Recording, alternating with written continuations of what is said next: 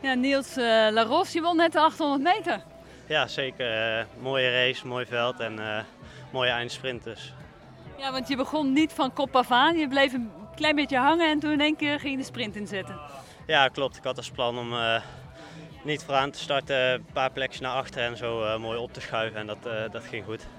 Nu heb je de 800 meter gewonnen. Net geen Nederlands record hoorden we, maar wel een eh, limiet. Ja, zeker. Ja, ik had geen records in mijn hoofd. Eh, en de limiet is altijd mooi meegenomen. Dus En, en wanneer, eh, want het is voor het eh, Europees kampioenschap. ja, onder 20, dat is in eh, augustus. En dat je die nu al gelopen hebt, geeft dat dan lekker rust? Ja, zeker. Kan ik gewoon eh, lekker doortrainen en eh, hoef ik niet verplicht nog wedstrijden te doen om die limiet te halen. En eh, nou ja, dan is het, natuurlijk, hè, het gaat hier ook een beetje om de gouden spike. Denk je dat je daar kans op maakt met zo'n tijd? Ik heb geen idee. Iedere prestatie is natuurlijk eh, al goed op zichzelf, dus eh, we gaan het zien. En van welke vereniging eh, ben je? Scorpio in Oosterhout. En waarom helemaal naar Leiden komen? Eh, mooi veld hier en eh, ja, mooie baan, leuk publiek. Dus